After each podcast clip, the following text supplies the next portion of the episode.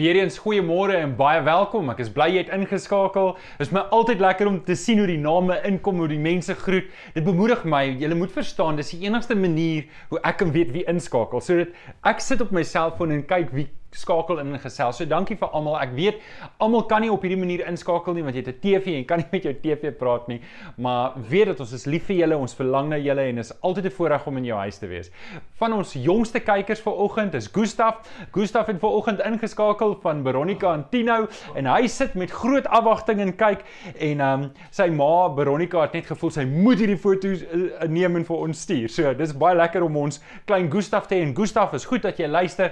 Kyk jy sommer nie die oë en sê jy moet groot word vir Jesus en Jesus dien. So julle vriende, ons is besig met ons reeks wat gaan oor 'n lewe wat God seën, die geseënde lewe. Hoe hoe hoe moet my lewe lyk dat God dit kan seën? En wat wonderlik is van hierdie reeks, die Makarios reeks wat ons besig is mee, is Jesus kom en hy begin sy eerste vollengte preek en hy gee vir ons agt sleutels, agt dinge wat hy wat wat Jesus vir ons sê God wil hê ons moet doen om die seëninge van God in ons lewens oop te sluit. En dit is eintlik so wonderlik dat Jesus vir ons sê, hierdie is nie hierdie is nie soos Paasfees waar die paaseiers weggesteek word en dan moet almal die paaseiers gaan soek asof God se wil en God se seëninge weggesteek is en dan moet ons gaan soek en ons weet nie hoe dit lyk en ons weet nie waar dit is nie. Um nee nee, God se seën werk anders as dit. God se seën is openbloot en Jesus kom met die saligspreking en hy sê vir ons hier's die agt sleutels wat jy moet doen in jou lewe om God se seëning oop te sluit in jou lewe. Kom ons bid saam. Here, baie dankie. Dankie vir die woord. Dankie Here dat ons in hierdie uh, Makarios reeks, Here, onsself kan vasmaak weer aan die woord en kan groei in Jesus. En en Here, kom help vir ons. Kom help vir ons dat ons die ware betekenis van van Jesus se woorde sal verstaan. Vader, dat ons u seëning in ons lewens kan beleef, die manier soos wat u dit bedoel het. Ons dankie en ons bid dit in Jesus naam. Amen. Amen. Vriende, ek het dit in die eerste deel gesê, ek wil dit net weer herhaal. Makarios is die die Griekse woord wat ons gebruik vir geseënd wees, om geseënd te wees. Nou, dis julle sal sien al daai al agt stellings is in passief gemaak wat sê dis God wat ons seën en dit is om op 'n bonatuurlike manier bevoordeel te word. Maar dis nie noodwendig soos wat ek en jy dink nie. Um om om voordeel te hê in hierdie lewe kan ons baie keer verkeerd definieer en Jesus kom stel dit reg en dis hoekom ons hierdie reeks doen om te kyk wat beteken dit om werklik geseën te wees. Nou Jesus begin die die die gedeelte in in Matteus 5 vers 1 tot 2 en ek lees dit in die ou vertaling want dit sê dit die mooiste. Die, Jesus kyk en hy sien en toe hy die skare sien, het hy op die berg geklim en nadat hy gaan sit het, het hy sy het sy disippels na hom toe gekom en kyk nou mooi wat sê vers 2. En hy het sy mond geopen en hulle geleer en gesê. Kyk nou net hoe stel die Grieks dit, want dit is 'n direkte vertaling. Hy het sy mond geopen, hy het hulle geleer en toe gesê. Met ander woorde, dit word definitief onderstreep en en en gesê, hoor Jesus het belangrike woorde. En ek my my gebed vir jou is dat jou hart sal oop wees en dat jy 'n verwagting het om van Jesus self te hoor. Hierdie is Jesus se eie woorde en Jesus het 'n agenda vir jou. Hy wil jou seën, hy wil jou vorentoe vat. Dit mag dalk wees dat dit anders lyk as wat jy dalk ingedink het, maar wanneer ek en jy ons lewe in lyn bring op God se agenda, dan beleef ons God se seën en dis wat ek wil hê jy moet nou nou verstaan is God wil jou seën. Dis wat Jesus sê. Jesus begin die belangrikste preek nog ooit en hy begin deur om 8 keer te sê, hier is die pad van seëning wat ek wil hê julle moet loop. En mag die Here vir jou seën en vir my seën dat ons hierdie pad sal stap. Nou, vriende, ek weet ons baie keer sit ons met, maar hierdie hierdie skrif is 2000 jaar oud en en hoe relevant is dit? En ek wil jou net herinner, ek wil jou net herinner dat hierdie mense dieselfde tipe probleme gehad het as wat ek en jy. Hulle het ook kinders gehad, van hulle het ook hulle werke verloor. Hulle het ook in politieke onstabiliteit gesit. Hulle het ook gesukkel met 'n klomp goed in hulle lewe, dieselfde goed waarmee sukkel. Ek weet ek ek verstom my elke keer wanneer ek die Bybel lees en ek begin lees oor die probleme wat ek gehad het en dan dink ek, dis presies dieselfde probleme wat ons vandag het. En die Bybel is na 2000 jaar net so relevant soos die dag toe dit geskryf is. Hoe wonderlik is dit dat die Here in sy almag geweet het dat dit is hoe dit gaan werk. Nou, hierdie mense stroom na Jesus toe. Hulle hulle volg Jesus en ons lees in Johannes 6 vers 26 28 wat Jesus sê vir die mense, dit verseker ek julle, julle soek my nie omdat julle wondertekens gesien het nie, maar omdat julle van die brood geëet het en versadig geword het. En en en hier is iets hier is iets van Jesus. Jesus het mense uit hulle natuurlik fisies gevoed, maar hier is 'n ander brood wat hulle gegee het. Hy het hulle die brood van die lewe gegee en hulle hulle het versadig geword en hulle het agter nie agter die wonderwerke aangekom nie. Dit is maar interessant hoe baie mense nog steeds wonderwerke soek en wonderwerke soek. Luister, wonderwerke gaan jou nie vasmaak aan Jesus nie. Dit gaan dalk 'n ongelowige oortuig dat dit die werking van God is, maar dit gaan jou nie vasmaak aan Jesus nie. Om in die woord in te delf en God se woord in te neem. Dis wanneer jy vervulling kry in Christus en wanneer jy dit ernstig opneem en dit deel maak en inkorporeer in jou lewe. Dis wanneer jy vervulling kry. Hoor mooi wat sê Johannes 3 vers 6 vers 35. Net 'n paar verse verder sê Jesus vir hulle: Ek is die brood wat die lewe gee. Wie na my toe kom sal nooit weer honger kry nie en wie in my glo sal nooit weer dors kry nie. Nou dis die inleiding vir ons Makarios lewe. Ons kom vandag by die derde deel, by die derde deel. Ek gaan weer Matteus 5 van die begin af deel uh lees in van vanoggend se deel, um lees ons dat Jesus sê geseend is die wat sagmoedig is. En daarop gaan ons stil staan. Wat beteken dit om sagmoedig te wees? En ek gaan die vraag vra, wat beteken dit gedurig? Want vir oggend se se se um se studie of se se boodskap is eintlik iets wat ons baie keer mislees en misverstaan. En ek hoop regtig dat die Here vir my genade gee om dit mooi oop te breek vir jou Want hierdie is seker een van die mees uitdagendste boodskappe van die hele reeks. En so, jy moet mooi asemhaal, mooi wakker wees, want ek gaan nou met jou gesels. Kom ons lees Matteus 5 vers 1 tot 5 saam. Toe Jesus die menigte sien, ek lees dit nou in die nuwe vertaling, het hy teen die berg opgegaan en nadat hy gaan sit het, het hy die disippels na hom toe gekom en hy het hulle geleer en gesê: Geseënd is die wat weet hoe afhanklik hulle van God is, want aan hulle behoort die koninkryk van die hemel. Geseënd is die wat treur, want hulle sal vertroos word.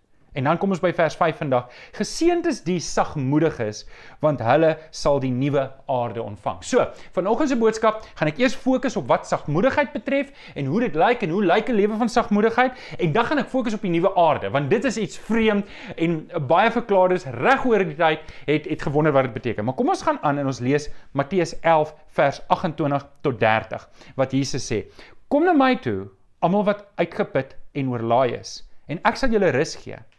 Neem my juk op julle en leer van my, want ek is en daar's daai woord weer, sagmoedig en nederig van hart, en julle sal rus kry vir julle gemoed. My juk is sag en my las is lig. Nou okay, dis die verse vir vanoggend. Vanoggend wil ek 'n bietjie met jou praat oor sagmoedigheid en die Griekse woord daar is die woord praos. Nou praos is die woord wat ons gebruik en ek wil sommer net vir julle vinnig verduidelik. Jean gaan dit vir ons opgooi hierso. 'n uh, Praos is die Griekse woord wat gebruik word vir om mak te wees. Om mak te wees. Ons het dit vertaal met sagmoedig wees, maar dit beteken letterlik om mak gemaak te wees, om onder beheer te wees, om sag en om nederig te wees. En en dis waar ons die liedjie kry van uh, Jesus Christ meek and mild, né? Nee? En dis waar ons daai liedjie kry. En en ek wil vanoggend met jou gesê, ek gaan vir jou 3 dinge gee hoe jy sagmoedigheid in jou lewe kan uitbring. Onthou nou, hier is die sleutel. Jesus sê, as jy sagmoedigheid het in jou lewe, gaan God jou seën. Dis wat Jesus hier sê. Hy sê, geseënd is die wat sagmoedig is, want hulle sal die aarde beerwe, die nuwe aarde. Ons sal nou-nou kom daarby. So, kom ons kyk na 3 dinge wat praos beteken in ons lewe wat sagmoedigheid betref. So die eerste een is 'n praos lewe is 'n lewe wat geheel en al onderwerp is aan die Here. Dis 'n lewe wat geheel en al onderwerp is aan die Here. 1 Petrus 5 vers 6 lees ons Petrus skryf: "Onderwerp julle dan daarom in nederigheid aan die kragtige hand van God, sodat julle kan vir, sodat hy julle kan verhoog op die tyd wat hy bestem het." So Ons moet onsself onderwerp. Nou, hierdie woord praos het ek nou klaar vir julle gesê, dis om mak gemaak te wees. Nou, dit is dieselfde woord wat hulle gebruik as hulle sê om perde in te breek. So wanneer jy wilde perde het, dan dan wil jy hulle inbreek sodat jy hulle kan gebruik. En en want 'n wilde perd kan jy nie naby kom nie. Is lewensgevaarlik. Hulle sê die die die grootste beserings wat mense kry van perde is eerstens perde wat byt. Ek het nie geweet perde byt nie. En dan perde wat skop. En 'n perd se skop is tot 67 km/h. As hy vir jou skop, kan hy jou doodskop. En dis hoekom dit belangrik is om te verstaan dat 'n 'n wilde perd moet ingebreek word sodat hy mak kan wees, sodat hy bruikbaar kan wees. En en dis presies wat ek en jy is van geboorte af. Die Bybel sê ek en jy is van geboorte af sondaars. Dawid beklemtoon dit in Psalm 51 vers 7 as hy sê ek was skuldig van my geboorte toe ek gebore is met sonde belaai toe ek nog in my moeder swanger toe ek saam in my toe my moeder swanger was. Ek probeer nou die ou vertaling en die nuwe vertaling meng. So so hier's Dawid en hy sê ek verstaan dit. Ek is met geboorte is ek belas met sonde, is ek belaai met sonde. En en en ek en jy is met sonde in sonde gebore en daarom eh, het ons Jesus Christus in ons lewe nodig. Jesus Christus het nodig om ons mak te maak, om ons in te breek sodat ons sagmoedig kan wees. En en dis ongelukkig so baie kinders van die Here het tot bekering gekom, maar hulle het nog nie hulle is nog nie mak gemaak nie. Hulle is nog nie ingebreek deur die Here Jesus nie. En en dis wat belangrik is dat ek en jy moet verstaan, as ek net weer die willeperde kan sien, is dat Jesus wil ons kom inbreek. Dis wat Jesus kom doen. Toe aan die kruis kom sterf het, het hy vir ons 'n nuwe pad gegee waarby ons gered kan word, maar dis 'n stapie verder as redding. Onthou nou, Jesus praat hier so met die disippels. Hy leer hulle eerste en hy sê vir hulle: "Geseënd is dit wanneer jy mak gemaak is." Nou, wil ek nog 'n woordjie inbring om om om dalk net die mak maak mak gemaakte lewe te verduidelik. Die Engels het 'n mooi woord submission. En submission is nie eintlik 'n mooi woord vir ons nie, dit is om te onderwerp, maar die Engels wys dit mooier submission. Jy kan dit sommer duidelik sien hoe ek hom opgebreek het. Sub beteken om jouself onder te stel of om jouself te onderwerp, nê? Mission is jou belangrike lewensroeping. Nou, as ons hierdie twee woorde verder kyk, sub en mission en sê submission is dan om my missie onder 'n groter missie te stel. As ons net weer my geel submission kan wys. So, met ander woorde, vir ons submission of dan om mak gemaak te wees of om onsself te onderwerp aan die Here, beteken om my lewensmissie te onderwerp aan die Here se se se missie, agenda.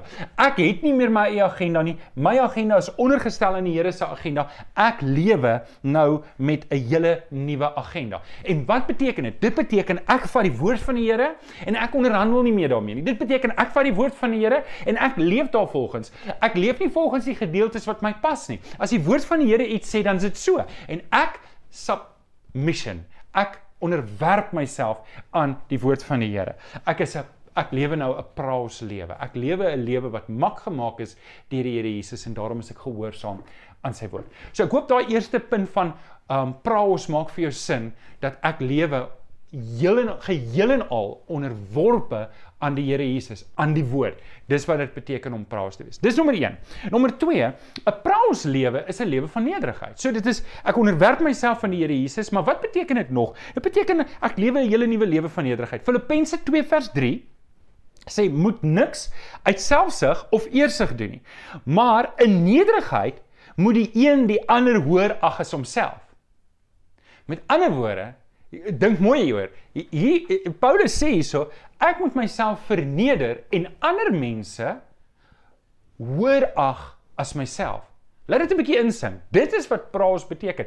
Dat jy met almal met wie jy in aanraking kom, sê hierdie mense is belangriker as ek. Hulle is belangriker as ek. Ek het hoër agting. Hulle het hulle het hoër waarde. En onthou nou, jou waarde is vasgemaak in Jesus Christus. Ons is almal gelyk voor die Here. Die Here is nie 'n aannemer van mense nie. Maar hierdie is 'n gesindheid wat ek het. Dit gaan oor die gesindheid wat ek het dat wanneer ek met mense in aanraking kom, dat ek hulle hoër ag as myself, want dis wat Jesus vir my verwag. Dis wat 'n praus lewe is. Dat ek myself nie aanstel en dink ek is so grand en so great nie.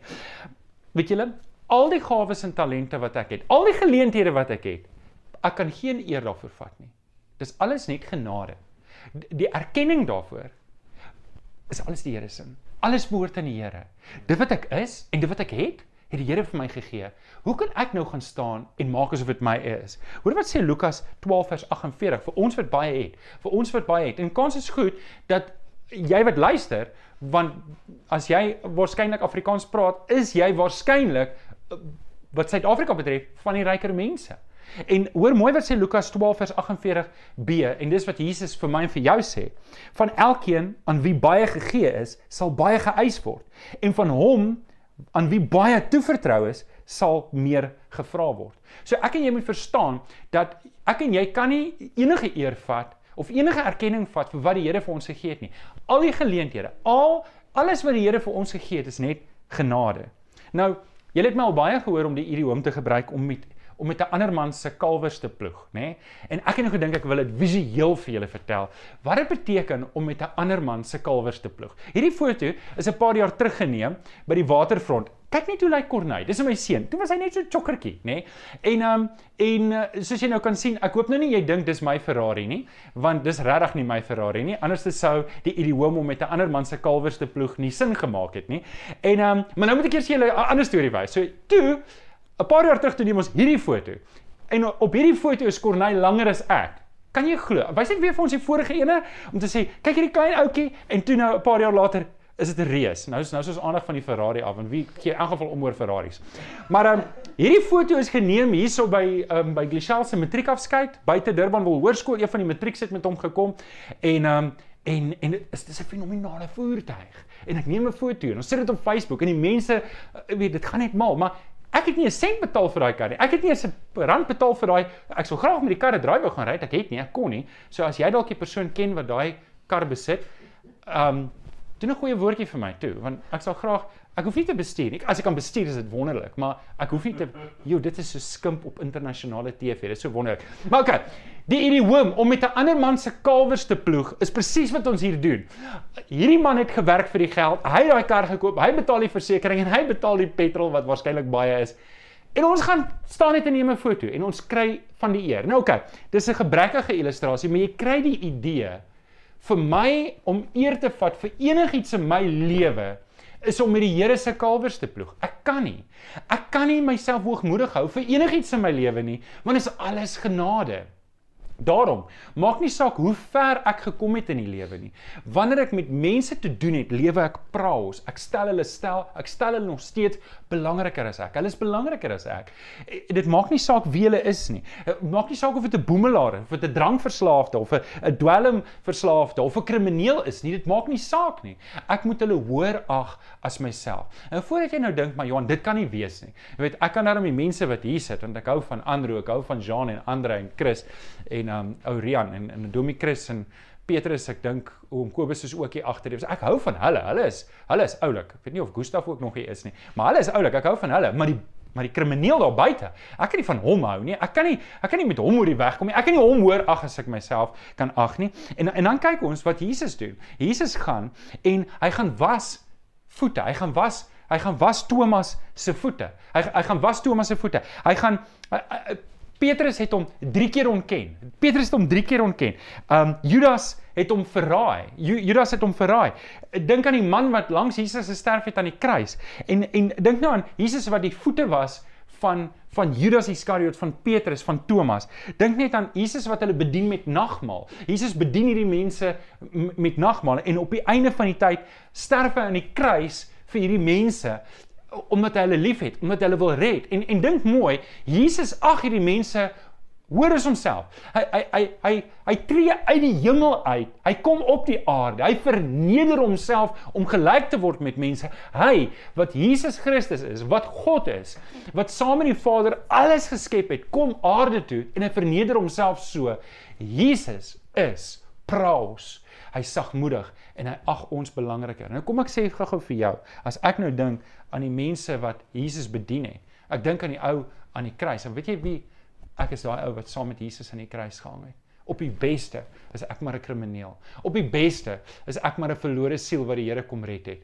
Hoe kan ek van daar van die kruis af terwyl ek daar hang langs Jesus vir die sonde wat ek self gedoen het, wat die straf wat ek verdien het, kyk na ander mense en sê, "Ja, maar hulle is so sleg en hulle is so sleg." Ek het geen voet om op te staan terwyl Jesus aan die kruis hang en sê, "Vader, vergewe hulle, want hulle weet nie wat hulle doen nie." 'n Praus lewe is wanneer ek nederig is en ander hoor ag as myself. OK, dis die tweede een. Die derde een. Wat is 'n praus lewe? 'n Praus lewe is 'n lewe wat kwaad kan absorbeer. En hier is 'n belangrike ding. 2 Timoteus 2 vers 24 in die nuwe vertaling sê 'n dienaar van die Here moenie risie maak nie. Met ander woorde ons moenie moeilikheid soek nie. Inteendeel, hy moet vriendelik wees teenoor almal, bekwam om ander te leer en dan, het ek dit onderstreep in my Bybel, iemand wat onreg kan verdra. Iemand wat onreg kan verdra. Ek dink die ou vertaling sê dit beter, die 53 vertaling. Hy sê dit is een Ek het hom nou klaar gelees. Iemand wat onreg kan verdra, die ou vertaling sê, is een wat kwaad kan verdra. Hierdie is 'n belangrike eienskap van 'n volwasse gelowige. Hy moet die kwaad kan absorbeer. Hy hy hy moet hy moet hy moet hy hy, hy moet nie vinnig wees om te reageer op al die kwaad in die wêreld nie. Dink gou mooi daaroor. Hoe gaan jy vir iemand met Jesus bedien as jy kwaad is vir hom? Hoe gaan jy iemand met Jesus bedien as jy geafronteerd is oor iets wat iemand gedoen het? Hoe gaan jy iemand met Jesus bedien as jy krities staan teenoor daardie persoon? 'n Praus lewe is om jouself heeltemal van daai goed te onteien en te sê ek het dis dis nie my roeping nie dis nie my mandaat nie 'n praus lewe is een wat kwaad kan absorbeer weet julle voordat ek Jesus leer ken het het ek met die vlees na mense gekyk. Ek het Johan Delport, ek het myself hoog aangestel en ek gekyk na ander mense en gedink en ek kon hulle evalueer op dit. Maar Jesus het vir my 'n nuwe bril gegee waarna ek hierdie wêreld kyk. En ek kyk gefilter na hierdie wêreld deur Jesus se bloed. Ek kyk deur die kruis van Jesus na hierdie stikkende wêreld en ek en ek en ek sien iets anders. Ek sien 'n God wat lief is vir die mense. En en daarom kan ek kwaad absorbeer. Ek hoef nie te reageer op al die kwaad in hierdie lewe nie. Natuurlik ons het laas laasweek gepraat, dit breek my hart om dit te sien. Dit maak my hart seer. Maar ek tree nie op in kwaad en in woede reaktief tot dit wat besig is om te gebeur nie. Nee, ek tree op deur Jesus se liefde. En ek verteenwoordig Jesus Christus vir hierdie wêreld. En daarom moet ek die kwaad kan absorbeer. Dis wat 'n praals lewe is. 'n Praals lewe sê ek word nie meer kwaad oor alles nie. Ek is nie meer geafronteer oor alles nie. Ek word nie meer ontstel oor alles nie. Ek kyk deur die kruis van Jesus. Dawid sê dit in Psalm 37 vers 1 en 3. Hy sê: "Moet jou nie ontstel oor skelms en jou kwel oor skurke nie." Dan sê hy in vers 3 verder: "Vertrou liewer op die Here. Jou oë moet op die Here wees en doen jy wat goed is. Woon in rustig woon en werk rustig voor." Is dit nie mooi woorde daai nie? Dis amper asof dit Nuwe Testamentiese verse is waar Wat Dawid sê, hoorie, moenie jouself so ontstel oor alles wat fout is in Suid-Afrika nie. Moenie jouself so ontstel oor alles wat fout is in die wêreld nie. Sê vir my, wat se goed doen dit dat jy so kwaad is oor alles wat verkeerd is? Wat se goed doen dit dat dit dat jy nou veronwaardig is oor alles wat skeef is? Al wat dit doen is, is dit stel jou hart op om jouself te keer om mense te bedien met Jesus ek ek ontstel my nie meer oor skelms en skurke nie. Ek doen dit nie. Dis dis nie dis nie my opdrag nie. My opdrag is om my oë op Jesus te hou en en my beste te doen en om mense te wen vir Jesus. Jesus. En dit bring ons terug na submission. Submission. Vat alles wat jy dink vir jou belangrik is. Vat al jou agendas, alles wat jy dink jy het voorgewerk, wat jy dink behoort aan jou, alles waarop jy geregtig is, en jy vat dit en jy stel dit onder Jesus Christus. En jy sê ek kort 'n nuwe mission. Ek kort Jesus se missie. En en weet jy wat dalk moet dit 'n studie wees wat ek en jy doen om te sê wag wag wag wag. Ek is geprogrammeer om op 'n sekere manier na hierdie wêreld te kyk, maar ek gaan dit nie meer doen nie. Ek gaan kyk wat sê die woord en ek gaan dit begin uitleef in hierdie wêreld. Nou. So, ons moet die kwaad kan absorbeer. Nou nou, nou kom ons by 'n interessante deel want want twee verse terug het ons gelees dat Jesus sê geseënd is die wat. Wat was die eerste een? Geseënd is die wat weet hoe afhanklik hulle van God is want die koninkryk van die hemel behoort aan hulle. Maar nou nou sê Jesus heeltemal iets anders en in ons sukkel met hierdie ding. Hy sê geseënd is die wat um sagmoedig is want hulle sal die nuwe aarde beerf. Nou as jy mooi kyk na die nuwe vertaling, die nuwe vertaling sê um laat ek hom net eers hier kry, sê ons sal die nuwe aarde ontvang, maar die ou vertaling sê want hulle sal die aarde beerwe. Nou ek kan nou sien die nuwe vertaling, hulle het gegaan en hulle het 'n bietjie interpretasie gedoen hierso en hulle het 'n woord nuwe daar gaan insit want hulle het gevoel jene die Christene gaan seker nou nie die aarde beerwe nie en toe sit hulle 'n woord nuwe daarin laat dit dan nou klink na die hemel. Maar die oorspronklike taal, die Grieks, het dit nie in nie. En en en en ek wil nou uitbrei oor dit en ek dink die ou vertaling is reg. Die 53 vertaling was reg met hulle vertaling om dit nie in te sit nie. Want dit gaan daaroor om die aarde be, be, beerf. Maar kyk net op jou skerm daarso. Jy sal sien ons twee woorde en dis die twee Griekse woorde. Gen is die Griekse woord vir aarde of land. En dit dit dui op 'n woonplek. Met ander woorde, as ek vir jou vra waar gen jy, dan gaan ek vir jou vra waar bly? Jy gaan vir my sê jy bly in Brackenfell of in Bellville of Durbanville of in Newcastle of in Middelburg. Maar ehm um, kosmos verwys na die mense. Dit weet die wêreld as dit verwys na die wêreld is dit die mensdom. Nou oké, okay, nou het julle daai. Die Griekse woord wat hier gebruik word is gen, die aarde. En dis wat dit soveel moeiliker maak om te sê ons gaan die aarde beerwe as woonplek. En dis vreemd want want ons weet ons gaan nie, ons gaan ons hemel toe. Nou wat is dit wat Jesus vir sy disippels sê? En om dit te verstaan en en ek moet dit nou 'n bietjie verduidelik, so jy moet nou net 'n bietjie jou asem ophou en wakker wees en seker maak jy verstaan. Om te verstaan hoekom Jesus dit sê, moet jy eers verstaan wie was Matteus se oorspronklike lesers? Dit was Jode gewees. Met wie praat Jesus hier? Hy praat met Jode. En onthou nou, die Jode het die beloofde land gekry. Abraham was beloof jy sal die beloofde land kry en hulle het dit toe gekry. Maar omdat hulle bly ontrou wees aan die Here en blou ongehoorsaam wees aan die Here en bly was hulle nog steeds in die beloofde land, maar hulle was nie meer die heersers daaroor nie. Ja, hulle was onder Romeinse heers en die Romeine het hulle sleg behandel. En hulle het gehaat. Hulle hulle hulle het uitgekreun, hulle het hulle het verskriklik swaar gekry. En nou kom Jesus en hy praat met hulle en hy sê vir hulle: "Geseënd is julle wat praos is, want julle sal die land kry." En dit is half en half. Hulle was gereed om oorlog te maak. Net 'n paar jaar voordat Jesus aarde gekom het, was die Makkabeërs. En die Makkabeërs wou net oorlog voer. Hulle wou net die Romeine met mag en gesag wegdryf. En Jesus sê: "A a a a a a. Julle gaan dit nie met gesag met mag en krag en perdewaas doen nie. Julle gaan dit met praos doen. Julle gaan sagmoedig wees. Julle gaan nederig wees. Julle gaan kalm opdaag en die Here gaan dit vir julle gee." En dit is so teen dit dryf so teen alles wat logika is in. En nou moet ons vir mekaar sê, maar Jesus het tog geweet hierdie is vir die Christene nie vir die Jode nie. Wat het Jesus bedoel? Kom ek gaan net eers vinnig na een versie toe.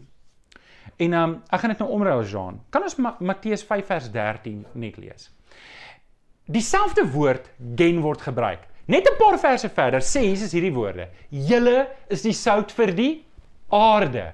So, hier sê Jesus, geseënd is die praos, die wat sagmoedig is, die wat mak gemaak is, die wat kwaad kan verdra, die wat nie hulle oë en hulle ore uitleen vir die Romeine en vir die regering van die dag en die politiek nie. Geseënd is die wat sag is en nie die hele tyd kwaad is en die hele tyd wil oorlog maak en die hele tyd wil beklei en wil risie maak en bla bla bla bla en aangaan nie. Geseënd is jy as jy net jou oë op Jesus hou en 'n Jesus gesindheid het en 'n Jesus hart het, want jy sal die gain beerwe en dan net 'n paar verse verder verklaar Jesus self die gain. Hy sê, want julle is die sout van die aarde. Ek en jy kan nie sout wees as ons nie praos is nie. Ek kan nie met 'n rebelse, kwaai, geïrriteerde hart praos wees nie. Ek kan nie die gain wen vir Jesus nie. En dis wat Jesus hier probeer sê is, ek en jy moet praos wees sodat ons die gain vir die wêreld kan wen. Nou, hoor gou-gou mooi hierso, vir die Here kan wen.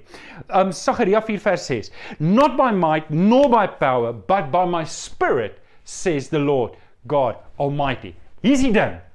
Die Here het my en jou geroep om hierdie wêreld te infiltreer met Jesus Christus. Die Here het my en jou geroep om met die boodskap van die kruis hierdie wêreld om te dolwe. Weet julle was 12 manne wat daar gesit en geluister het na Jesus. Weet julle, ons is nou oor die 2.8 biljoen mense op hierdie wêreld wat op een of ander manier bely dat hulle weet wie Jesus is, dat hulle op 'n manier bely hulle assosieer of affilieer met Jesus. Hulle is nie almal noodwendig kinders van die Here nie, maar hulle bely dat hulle verstaan die kruis. En nou is dit my en jou beer. Dis ek en jy wat nou Kaapstad en hierdie wêreld waarin ons bly, hierdie gen, hierdie land, moet ons infiltreer en ons moet sout wees en ons moet dit omkeer. Maar ek en jy kan dit net doen met 'n praos lewe. Ek kan dit nie doen deur om aanstellerig te wees nie. Ek kan dit nie doen deur om te veel vir myself te dink nie. Ek moet mak wees deur Jesus sodat ek kan ek nie weer submission opkry asseblief. Ek moet ek moet my missie onder die Here se missie stel en sê Here, ek wil praos wees sodat U deur my kan werk dat ek die kruis, Jean, van Jesus kan uitdra in hierdie wêreld. Ouens, die enigste manier ons hierdie wêreld vir Jesus gaan wen, is deur om praos te wees. Deur niks anders nie. Nie deur mag nie, nie nie die oomblik as ek en jy besef dat my geïrriteerdheid en my kwaadheid en al hierdie emosie wat ek beleef teenoor die wêreld, Jesus se saak nie help nie, makliker gaan dit wees om myself te onderwerp aan die Here en aan die kruis van Jesus om te sê, Here goed. U wil, nie my wil nie. Ek gaan my oë op U hou en ek gaan U werk doen. Ek gaan U evangelie uitdra. Soos wat die vroeë disippels dit gedoen het, soos die kerk oor die laaste 2000 jaar gedoen het. En ek wil my rol speel. My gebed is dat die Here vir jou sal oortuig in jou hart dat ek en jy is in hierdie gen. Ons is in hierdie land en ons moet dit vir Jesus wen. Dis hoe ons hom gaan beerwe. Maar ons gaan dit nie doen deur enige ander manier as deur om praos te wees nie. Of jy 'n student en of jy 'n dosent of jy 'n onderwyser is. Of jy in die kleuterskool is Of jy in die laerskool en of jy in die hoërskool en of jy 'n student is. Ek weet nie wat jy is nie. Of jy 'n skrynwerker, ingenieur of 'n of 'n skeepskaptein is, of jy 'n verpleegster, 'n suster of 'n dokter is. Dit maak nie saak wie jy is nie. Wat ek en jy nou moet verstaan, dis ons beurt. Dis ons beurt nou om praos te wees en om Jesus uit te leef, om die sout te wees in hierdie wêreld. As ek en jy onsself mag verklaar voor die Here en sê Here, hierdie submission gedagte, ek gaan myself onderwerp aan U, dan kan die Here ons seën en dan gaan ons invloed hê. Nie op ons terme nie, maar op Jesus se terme. Mag die Here vir jou seën dat jy praos is. Dat jy praos is, dat jy die kwaad kan verdra, dat jy jouself op 'n posisie sit dat jy ander mense hoor ag as jouself en dat jy bly by die woord en dat jy sê soos Paulus sê in Korinte, ek het myself voorgenem om met julle oor niks anders te praat as oor Jesus Christus en wel hom die gekruisigde nie. Mag die Here vir jou seën daarmee. Kom ons sê die oor dan bid ons saam. Vader, baie dankie. Baie dankie vir praos. Dankie Here dat dat U vir ons hierdie pad wys dat ons moet mak wees. Ons moenie met ons eie agendas probeer leef nie. Ons moenie ons ons moenie aanstellerig probeer wees nie. Here, want da, ons oorwinning lê juis nie in ons eie krag nie. Ons oorwinning lê juis daarin wanneer ons U toelaat om die werk deur ons te doen. Kom help vir ons, Here, hierdie nuwe woord wat ons vandag geleer het om praos te wees sodat ons hierdie land Here kan omdolwe vir Jesus. Ons wil nie die land terugneem na iets wat dit in die verlede was nie. Ons wil die land wen vir Jesus. Kom help vir ons dat ons daardie Christusgesindheid sal hê. Ons bid dit in Jesus naam. Amen. Amen. Kom ons kom ons sing die volgende lied saam met Kenneth hulle.